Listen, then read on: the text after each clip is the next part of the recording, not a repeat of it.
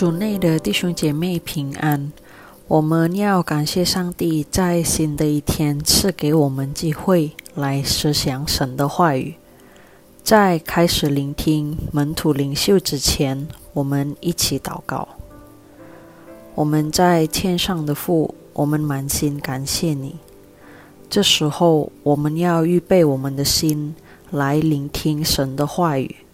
后面的时间，求主。敞开我们的心，能够认真思想，并领受神的话语。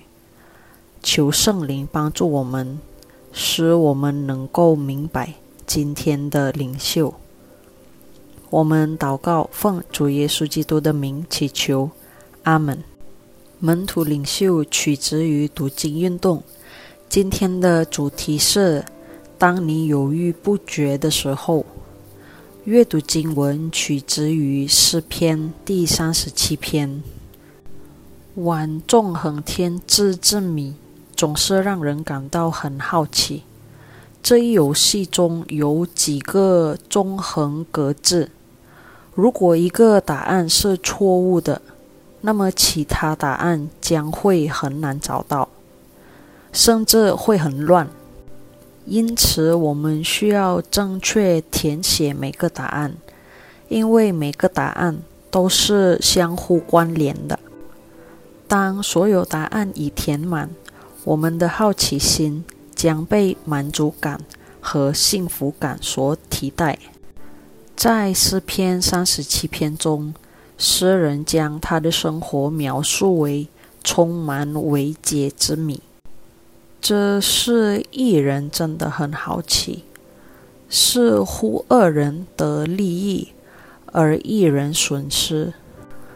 我们一起看三十七篇第一节：不要为作恶的心怀不平，也不要向那行不义的生出嫉妒。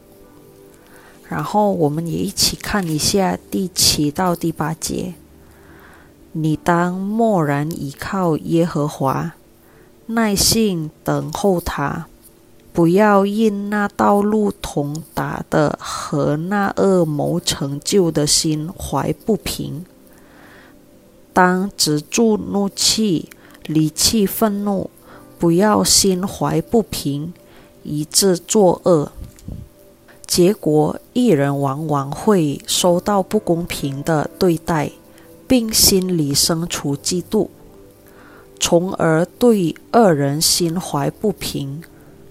因此，诗人便研究了这生活之谜，然后得出结论：上帝永不离弃一人。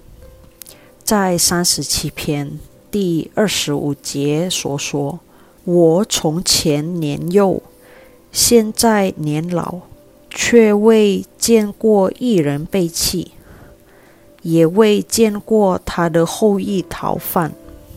该结论应使一人对上帝和对他人，包括二人在内的看法充满色彩。在纵向关系方面，即一人与上帝之间的关系，我们一起看第三到四节。你当依靠耶和华而行善，住在地上，以他的心食为粮，又要以耶和华为乐，他就将你心里所求的赐给你。我们必须使上帝成为盼望的依靠和喜乐的源头。此外，我们必须相信。上帝肯定能够解决我们面临的所有的问题，包括最复杂的问题。就像在第五到六节所说，我们一起看：当将你的事交托耶和华，并依靠他，他就必成全。他要施你的公义如光发出，使你的公平。明入正午，在横向关系方面，即一人与他人之间的关系，我们一起看第二十一节。恶人接待而不偿还，一人却恩待人，并且施时，公平对待以及事实，应成为我们的身份。然后在二十七节也说：“你当离恶行善，就可永远安居。”所以。我们也必须离恶行善。此外，我们看三十节，一人的口谈论智慧，他的舌头将说公平。我们的言语也必须建造他人，并荣耀上帝。最后，上帝通过显示他的公义来回应一人的好奇心，即惩罚恶人和赏赐一人。在三十四节说：“你当等候耶和华，遵守他的道，他就抬举你，使你承受地土。恶人被剪除的时候，你必看见。”正如一人被诗人观看，罪人最终的灭亡也是一人的眼目看见的。最后，我们一起看一下三十九到四十节：当一人得救，是由于耶和华，他在患难时做他们的营寨，耶和华帮助他们，解救他们。他解救他们脱离恶人，把他们救出来，因为他们投靠他。上帝将给一人赏赐救恩，救恩不仅仅以为只提供保护，还以为只使一人感到幸福。活在这个世界的人都是有罪的人，也包括我和你。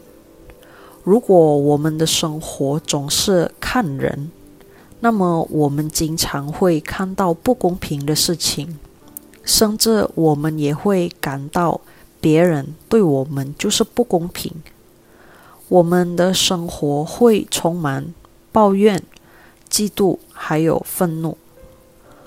唯一能够让我们的生活变成有盼望、有平安喜乐。就是活在信主里面，要依靠上帝，只看望上帝，不看人。